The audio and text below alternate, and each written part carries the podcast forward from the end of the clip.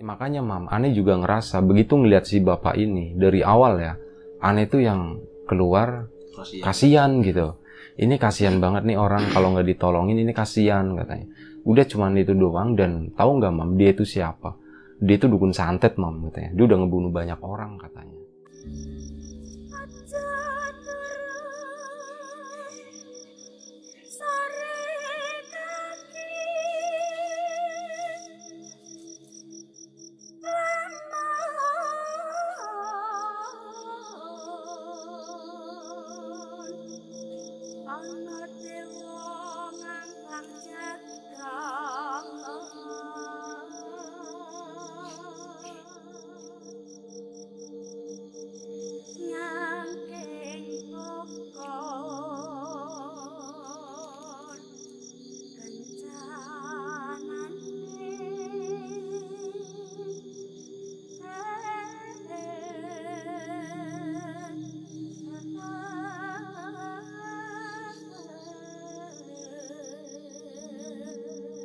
Assalamualaikum warahmatullahi wabarakatuh. Eh, terima kasih buat kawan-kawan yang udah datang di sini. Di sini ada Bang Gondrong sama Mas Bagus. Terima kasih udah datang ya. Eh, terima kasih juga buat kawan-kawan yang udah eh yang udah terima kasih buat kawan-kawan yang ada di rumah yang udah mau nontonin, udah mau dengerin cerita-cerita di lapak horor. Jadi ceritanya tuh lagi ada yang ketagihan yang kemarin langsung dengerin ya cerita di uh, sorry sorry. Cerita di lapak horor ketagihan ya mereka katanya pengen dengerin lagi gitu dengerin langsung. Ya udah nggak apa-apa. Gue sih seneng seneng aja. Jadi ada temen ya daripada kayak cerita tapi cuman ngadep tembok doang. Nah ini sekarang ada enak nih ada yang dilihat gitu kan. Nah cerita kali ini tuh cerita tentang seseorang yang udah pernah diceritain juga di cerita-cerita yang lain ya. Uh, cerita yang judulnya Wates sama kalau nggak salah yang judulnya Manten, yaitu tentang salah satu kawan si Habib ya sama Imam. Ini adalah cerita keberapa ya? Oke, 224 ini adalah cerita ke 224 di Lapak Horor. Ya sebelum ke cerita seperti biasa gue pengen ngucapin banyak-banyak terima kasih buat kawan-kawan subscriber semuanya. Terima kasih buat kawan-kawan yang udah ngasih support, udah ngasih dukungan. Terima kasih buat kawan-kawan yang udah ngasih like, udah nge-share ke yang lainnya dan nggak lupa juga terima kasih buat kawan-kawan yang udah ninggalin komentar. Terima kasih banyak semuanya. Nah cerita tentang Habib dan Imam itu kejadiannya sekitar tahun 2014 atau tujuh tahun yang lalu ya. Jadi uh, sebenarnya cerita ini buat nanti sih masih lama. Tapi karena kemarin gue nggak sengaja, jadi ngeliat ada salah satu channel YouTube yang gue lupa nama channelnya itu apa. Intinya kayak misal orang itu uh, menemukan kayak ada orang gila kayak gitu terus Nah, si orang gila itu nanti di kayak dimandiin, dibersihin kayak gitu. Pokoknya mulia banget lah channel itu bagus channelnya. Tapi gue lupa nama channelnya apa. Nah, terinspirasi dari itu, akhirnya gue kepikiran, wah ini cerita, jadi keinget gitu cerita tentang Habib dan Imam yang boleh dibilang kayak ngalamin hal yang serupa, tapi beda sih sebenarnya cuman kayak itu aja jadi keinget doang gitu. Jadi suatu hari itu di sebuah desa kalian tau lah. Desanya pasti tahu tapi nggak disebutin di sini ya nanti pas abis cerita. Aja nanti diceritain di sini gitu tempatnya. Pokoknya yang jalannya tuh kanan kiri sawah terus nanti ada kayak kebun-kebun kayak gitu. Nah di situ di tahun itu pernah ada satu boleh dibilang kayak satu fenomena. Jadi di situ ada kebun yang kurang lebih panjangnya 100 meteran.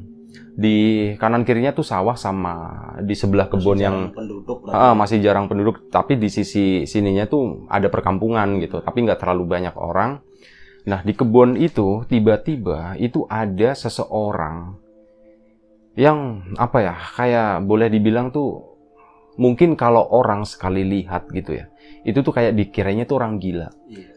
Bajunya kotor, bada apa rambut rambutnya nggak gondrong ya, biasa aja, cuman eh, nggak terawat lah, pokoknya kotor gitu. Lebih mirip kayak orang gila itu tadi, Dekil. dekil banget. Nah di situ dia tuh duduk di situ dan itu tuh kayak mancing reaksi warga juga, warga setempat situ. Jadi warga kan pas lewat ke situ tuh jadi, wah ini Kepo siapa gitu, ini siapa kok ada kepo. ada orang kayak gini, ada orang ini, ada kayak orang gila kayak gitu kan, ini siapa? gitu. Udah akhirnya udah eh, kayak gitu nggak lama kemudian akhirnya cerita itu tuh nyebar gitu kan ke warga-warga yang lain sampai akhirnya itu tembus ke telinganya Pak RT. Pak RT itu ada nggak tahu entah siapa, Hmm. orang mana juga nggak tahu. Itu udah beberapa hari ini tuh kayak dia duduk di sana, posisinya tuh duduknya bersila begini, itu lebih kayak mirip Semedi. kayak orang semedi, ya, kayak orang semedi, kayak dukun kayak gitulah. Ah, dan ya warga akhirnya penasaran gitu kan pada ke sana, tapi waktu itu pas awal-awal itu belum ada satu orang pun yang berani buat ngedeketin ya, karena takutnya itu tadi dikiranya Gila. orang ya orang gila nanti gimana gimana gitu sampai akhirnya biasa diawali anak-anak muda ya. Anak muda kan pasti iseng gitu ya berani. Udah ngedeketin mereka ditanya-tanya. Pak pak gitu. Diem aja pokoknya setiap ditanyain ah, kurang tahu juga ya yang ditanyain itu apaan. Intinya mereka tuh ngedeketin ngajak komunikasi. Sama ada beberapa yang ngasih makanan karena soalnya dipantau kayak gitu. Itu tuh orang itu itu hampir nggak pernah makan sama sekali dikasih minum dikasih makan sambil diajak ngobrol tapi berarti ya. iya tapi dia itu cuman diem aja. Nggak cuek nggak ngasih respon. Jadi bener-bener eh, matanya merem gitu. Kayak orang lebih mirip kayak orang tetapa sih kayak gitu. Udah akhirnya eh, Pak RT pun sampai ke Pak RT kan. Akhirnya Pak RT pun ngedatengin juga ke situ. Nah ternyata ada cerita lain yang beredar di masyarakat juga isu ya ada isu itu katanya kalau setiap orang yang habis ngedeketin orang tadi itu maka dia akan sakit. Pulangnya. ulangnya sakit. Dan itu kejadian itu tuh dialami nggak cuman satu dua orang warga doang tapi itu bener-bener semua orang yang ngedeketin orang tadi itu pulangnya akan sakit. Entah demam demam sih biasanya kayak sakit kayak gitu. Badannya nggak enak badan pada sakit. Pokoknya kayak gitu. Nah itu pun akhirnya isu itu tuh menyebar lagi kan jadi kenceng lagi. Wawas jangan deket-deket sama orang itu termasuk Pak RT Pak RT waktu itu ngedatengin situ kan ditanyain Pak Bapak dari mana ini? Tapi nggak ada respon sama sekali. Nah Pak RT pulangnya sakit. Minta tolong sama Hansip. Hansip ke situ disuruh ke situ. Ditanyain sama? Pulangnya juga sakit. Waktu itu ada tiga orang Hansip ke situ pulangnya sakit juga. Nah di situ beritanya makin santer sampai akhirnya di eh, berita itu tuh ke telinganya sampai ke telinganya imam. Imam kenal ya Iya. imam yang tinggi besar. Nah itu. Nah sampai ke telinganya imam. Kebetulan imam kan rumahnya nggak terlalu jauh tuh dek- tangga desa. eh, tangga desa. Nah tangga desa. Sampailah ke telinganya imam. Nah waktu itu imam akhirnya penasaran gitu ya. Dia cari-cari info ya. Emang bener ada cerita kayak gini? Iya bener-bener. Dan imam kan imam itu apa ya kalau kayak salah satu dia tuh punya guru ya Habib itu tadi temen tapi guru kayak gitulah. Dianggapnya guru kayak gitu. Nah akhirnya si imam itu cerita ke Habib. Bib eh di kampung aneh tuh ada cerita menarik katanya. Di sana tuh ada orang yang kayak orang gila kayak orang tetapa di tengah kebun itu bukan orang situ. Dan katanya setiap orang yang ngedeket ke situ sate. Sate lewat. Sate lewat sorry. Nah setiap orang yang ngedeket ke si orang tadi itu pasti akan sakit katanya. Wah beneran mam kata Habib ya. Beneran mam. Iya bener Bib gitu. Wah menarik nih mam katanya coba yuk mam. Penasaran gitu. Habib tuh penasaran. tapi gini mam. Ini penasaran doang ya. Nggak mau ngapa-ngapain mam. Ini penasaran doang. Cuman mau lihat aja katanya. Jauh nggak dari sini? Enggak deket bib. Itu di kampung sebelah katanya. Oke deh eh, nanti siang ya. Kalau misal aneh nggak sibuk katanya. Coba yuk anterin ke sana yuk. Cuman mau ngeliat doang katanya. Ya udah. Waktu itu em, habis zuhur ya. Ya pada zuhur eh, Habib itu datang eh datang di samper sama imam. Ayo Bib katanya mau ke sana. Ayo ayo ke sana. Akhirnya udah mereka berdua boncengan gitu ya naik Vespa. Nah ke sana itu nengokin ngeliat si orang tadi. Mam jangan deket-deket mam gitu. Jangan deket-deket. Mereka pun turun turun sebelum kebun ya terus di jalan ke sana ngedeket sana.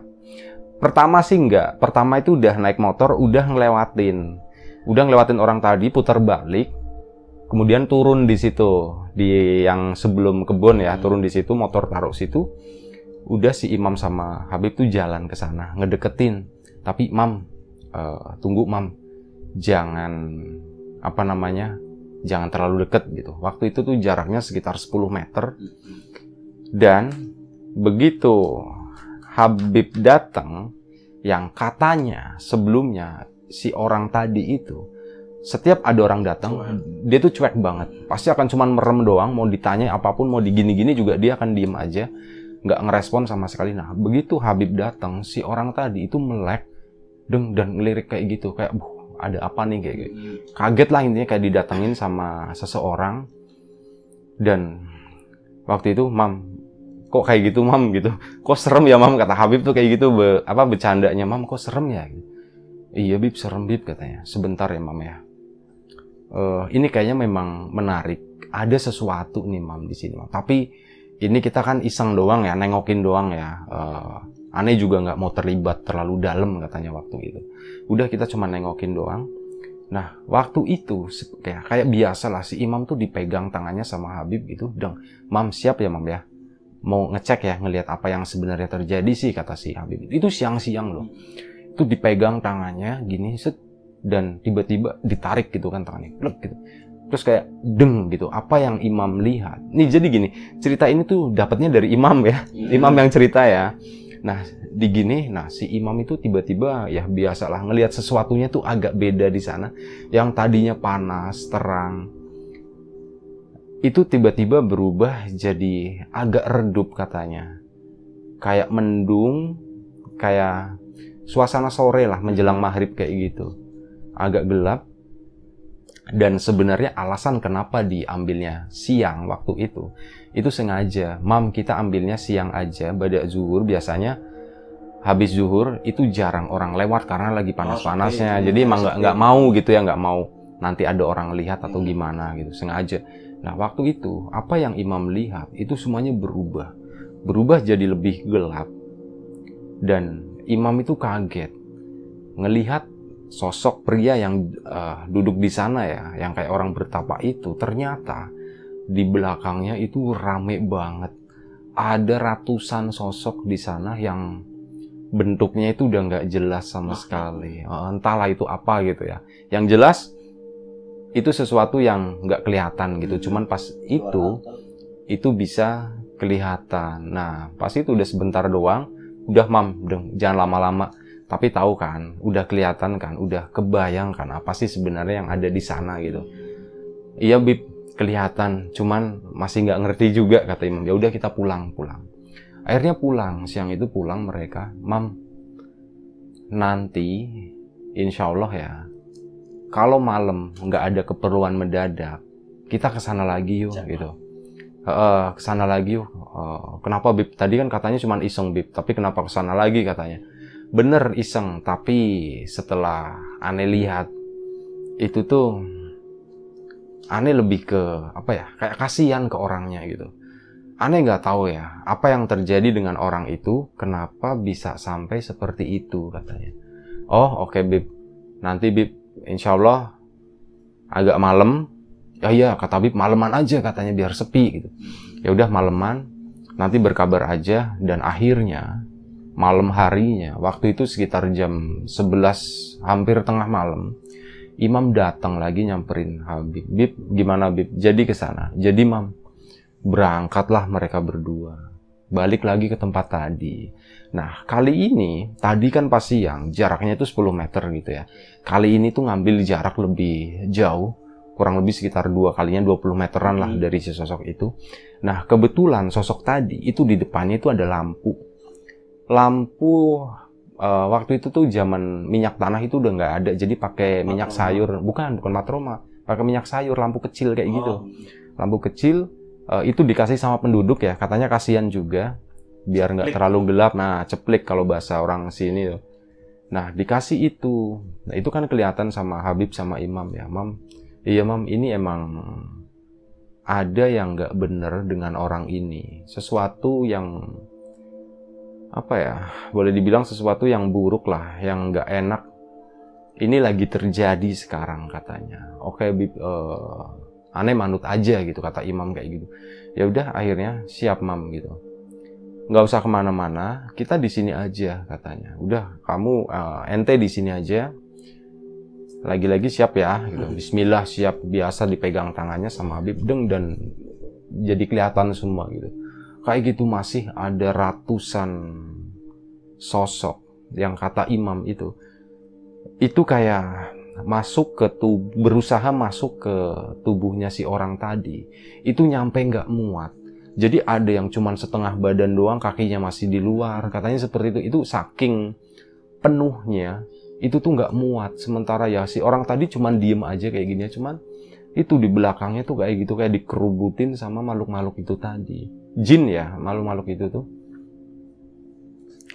Dan di tengah kebingungan itu, imam tuh cuman dia ya ngeliatin doang apa yang terjadi di sana. Sama ada satu hal lagi yang ini pertama kalinya dialami sama imam yang bikin imam bingung. eh jadi waktu di apa namanya dipegang tangannya, imam kan bisa ngelihat itu ya, dan itu posisinya tuh masih dipegangin.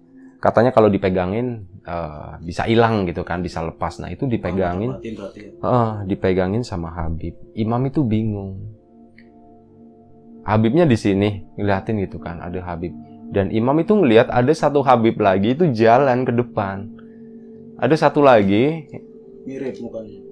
Ya itu emang si Habib. Oh. Di sini Habib yang lagi megangin, yang satunya ini entah apanya lah, entah Kodam. sukmanya atau entah apalah. Gue juga nggak tahu ya. Tapi katanya kayak gitu itu jalan ke depan ngedeketin si sosok tadi. Nyamperin. nyamperin ke sosok tadi. Nah, waktu disamperin itu, eh, sosok-sosok yang tadi masuk ke badan si orang-orang itu, itu pelan-pelan tuh pada keluar, pelan-pelan dan pada kayak ngeliatin ke arah Habib semua. Itu bentuknya udah aneh-aneh katanya, udah kayak udah bukan kayak orang lah bentuknya. Itu pada eh, ini, pada mundur ya, pada keluar, pada mundur. Si Habib eh, cuman jaga jarak ya sekitar mungkin 5 meter dari si orang itu. Habibnya berdiri di sini doang. Sementara dari arah belakang itu muncul ada satu sosok. Sosok laki-laki. Nggak pakai baju, cuman pakai celana doang. Badannya tuh agak agak gempal ya, agak gemuk. Itu dia ngedeket ke situ. Nah, di situ Habib cuman Imam nggak tahu apa yang diobrolin sama Habib dan itu ya Jauh sih acaranya. jaraknya jauh eh, soalnya Imam nggak tahu sama sekali udah si Habib sama itu tuh kayak ketemu kayak ngobrol kayak gitu dan nggak lama setelah itu ngobrolnya cukup lama sekitar 15 menitan mereka ngobrol tapi nggak tahu. Imam cuman ngebaca apa namanya kayak bahasa isyarat tubuh aja ya. Habib tuh kayak begini-begini Ya, menjelaskan terus sama ada nunjuk sesuatu kayak gitu. Ada yang nunjuk ke atas entahlah pokoknya kayak gitu cuman gerak tangan doang. Sementara sosok yang di depannya itu katanya ada sempat kayak ada ada ekspresi marahnya itu ada mau nantang begini ada terus begini lagi sampai akhirnya di ujung-ujungnya itu setelah 15 menit kurang lebih mereka itu ngobrol, si imam itu ngelihat sosok tadi. Itu tuh begini ke Habib. Yang begini, gempal. iya yang gempal tadi begini, sambil agak setengah nunduk gini ya. Terus udah, dia tuh mundur. Diikuti sama si itu tadi yang mungkin anak buahnya Oh, kali ya. hmm. Nah itu mundur mereka, masuk ke arah kebun. Dan si sosok, si orang tadi yang tetapa tadi itu ya, udah satu sosok sendirian aja bersih nggak ada siapa-siapa yang nemenin waktu itu. Dan waktu itu Habib balik lagi. Tapi Habib baliknya tuh caranya begini. Mundur. Mundur. Mm-mm. bukan muter balik gini ya enggak eh, Habib tuh baliknya mundur begini terus kayak set udah kayak masuk ke ini ya Habib yang lagi berdiri di samping imam itu. Deng udah. Nah setelah itu bes semuanya hilang. Hilang lagi imam kayak udah Sadar sadar, lagi kan udah sadar. Udah ngelihat mam tadi mam iya udah ngelihat bib. Gimana bib katanya? Ya alhamdulillah eh boleh dibilang sekarang aman. Untuk saat ini aman. Tapi nantilah ceritanya nanti dulu. Ini kita kasihan sama orang ini Ingat kan tadi aneh suruh bawa minum sama bawa cemilan sama bawa lontong katanya. Lontong sama gorengan. Ingat kan? Iya Bib. Keluarin mam. Itu orang itu udah berhari-hari semenjak dia di sini atau mungkin sebelumnya itu belum makan mam. Lah Bib kan udah dikasih makan sama penduduk. Itu nggak nyampe ke perut dia katanya. Itu tuh nggak tahu ke mana kata Habib tuh kayak gitu kasih makan mam, kasih minum, kasih minum dulu katanya. Ya udah akhirnya imam datang ke sana, Habib di sampingnya ya ngedatengin orang tadi, dikasih minum. Oh sebelum itu si pria tadi itu sempat batuk, dia kayak sadar gitu, oh oh, oh gitu. Batuk. Dan baru si imam eh si Habib itu ngomong itu tadi bawa air kan sama makanan tadi. Nah terus ayo keluarin mam kasih dia gitu. Nah dalam hati imam tuh ngomong kirain buat kita Habib katanya ternyata buat si itu. Nah kayak Habib tuh udah tahu gitu. Oh ini orang bakal seperti ini gitu. Jadi disiapin kayak gitu. Nah assalamualaikum gitu Habib kayak gitu. Diem aja nggak ngejawab. Si orang tadi cuman nengok ngeliatin ya. eh diem aja gitu. Pak eh, haus pak katanya. Ditanya sama Habib. Iya saya haus katanya. Oke ini minum pak, minum dulu pak. Akhirnya diminum sama si bapak tadi habis setengah botol ya. Itu bawa air mineral yang ukuran sedang ya. Nah itu habis setengah botol sama dikasih lontong sama ada gorengan kayak gitu. Dimakan sama bapaknya tuh lahap banget. Gih matur nuwun mas, matur nuwun mas katanya. Terima kasih mas. Ya udah. Akhirnya eh, setelah itu ya Imam sama Habib cuma ngeliatin itu doang ya biarin makan dulu ini orang kelaparan gitu. Nah, Mam, aneh di sini nemenin bapak ini, ente ke penduduk deh. Temuin siapa aja yang ada di sana, Nah, suruh ke sini bantuin gitu.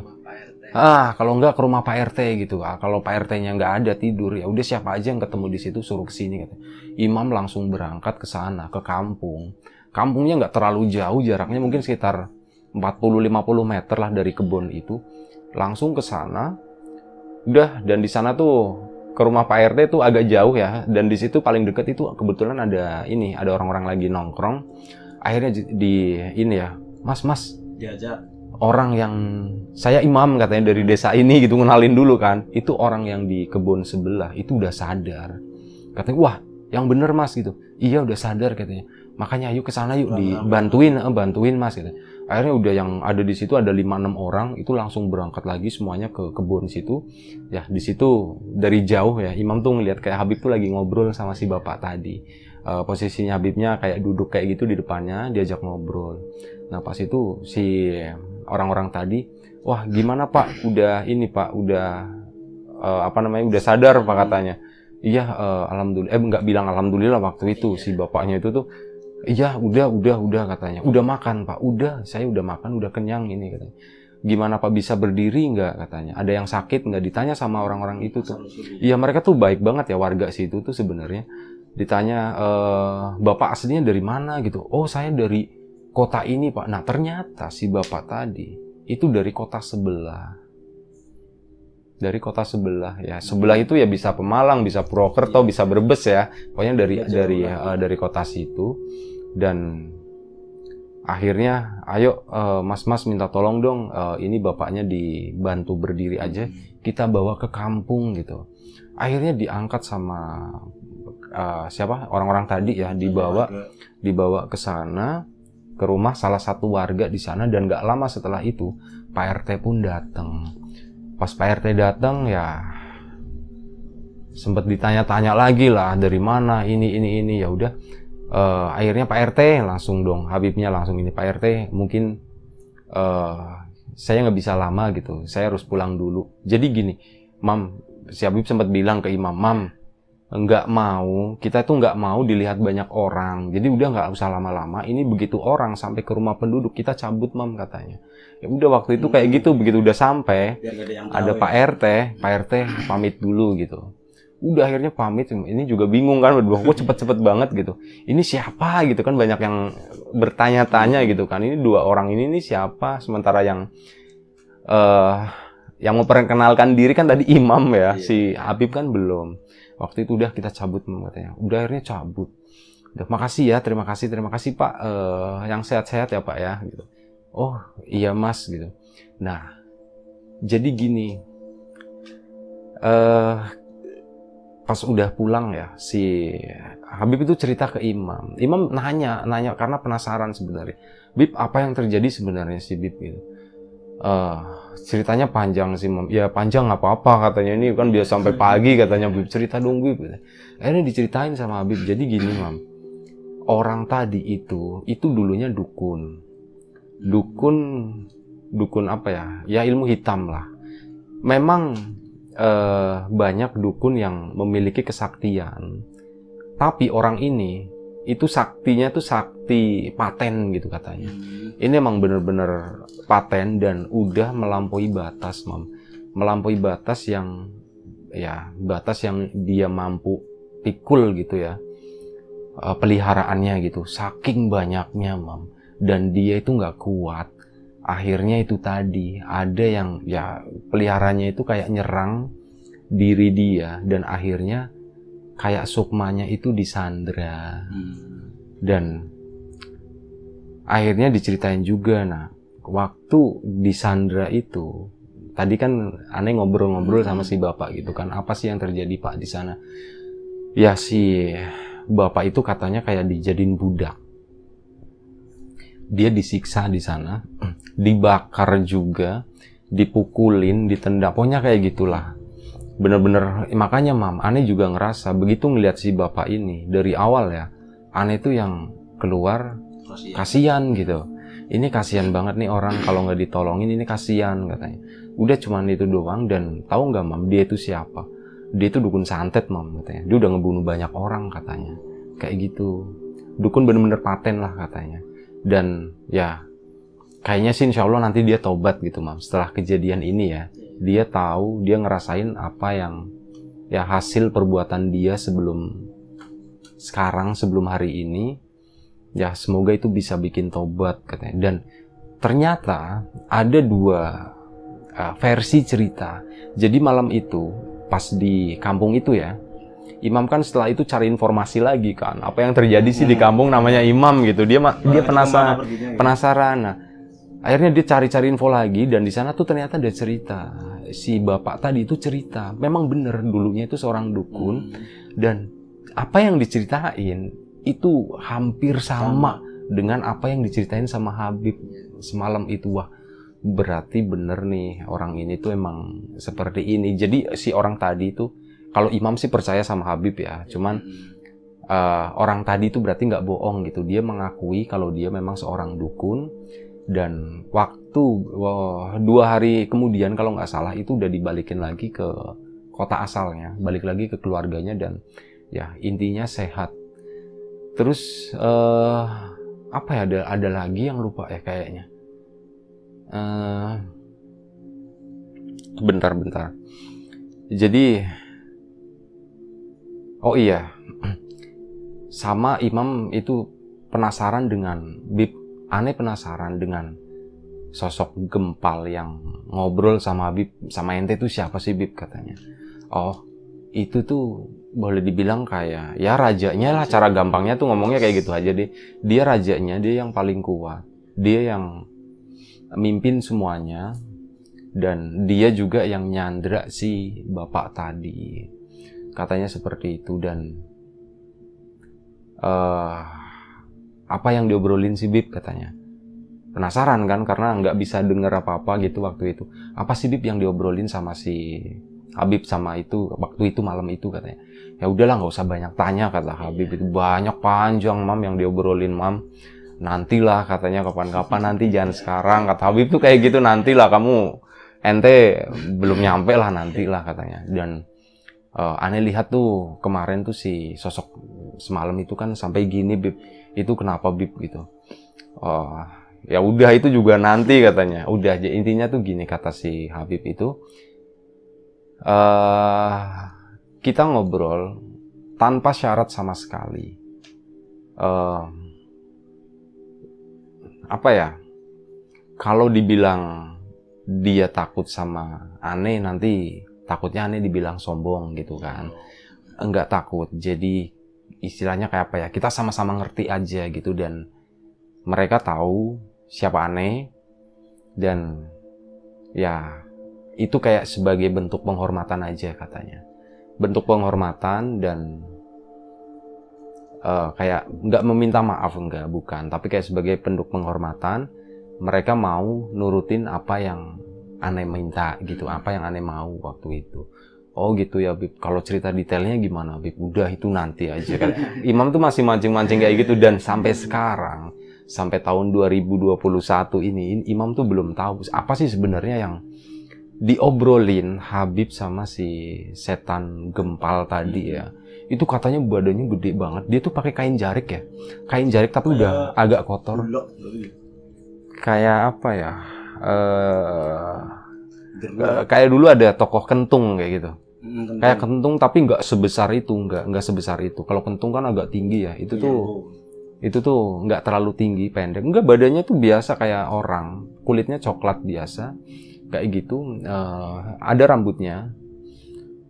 Ya kurang lebih seperti itu sih uh, kalau wujud aslinya. Kayak gimana imam yang lebih tahu ya hmm. karena dia yang lihat dia cuma ceritanya tuh kayak gitu katanya badannya gempal gemuk pakai kain gitu katanya kain batik kayak gitu. Oh oke mungkin kain jarik kali maksudnya ya. Kain uh, kain jariknya juga udah kayak udah lusuh kayak gitu.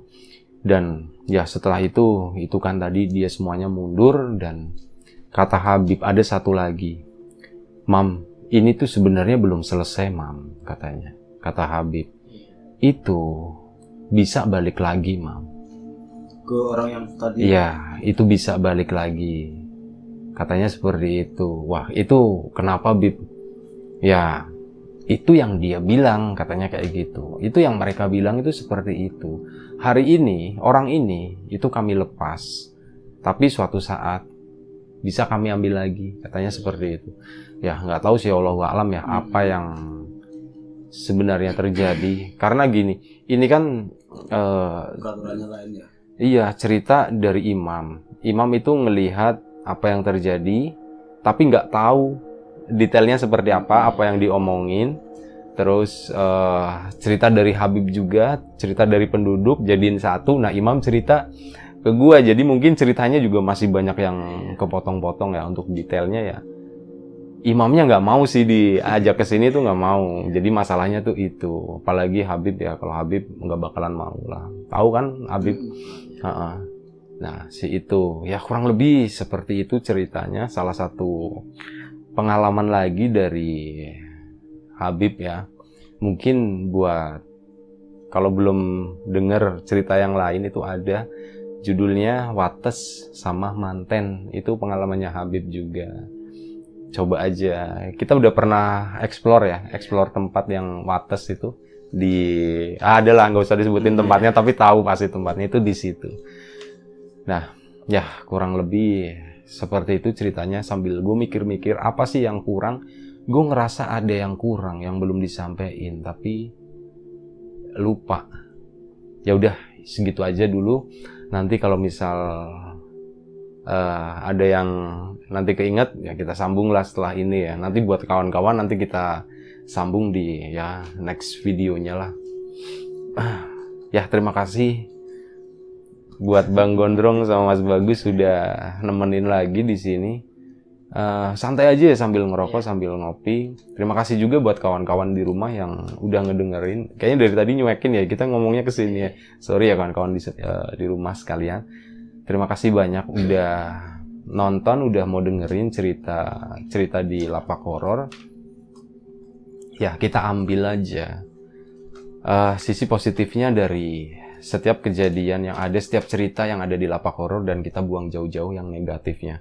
Nggak ada maksud apa-apa, cuman sekedar mau berbagi cerita dari pengalaman kawan-kawan uh, dan buat kawan-kawan yang misal mau berbagi cerita bisa lihat di deskripsi video ini ada di situ dijelasin. Uh, terima kasih buat kawan-kawan yang udah ngirimin ceritanya tapi belum sempat dibacain ya. Gue mohon maaf harap bersabar ya. Sekali lagi terima kasih banyak. Gue mohon maaf misal ada salah-salah kata ada sesuatu yang gak nyaman saat ngebawain cerita ini mohon dimaafkan.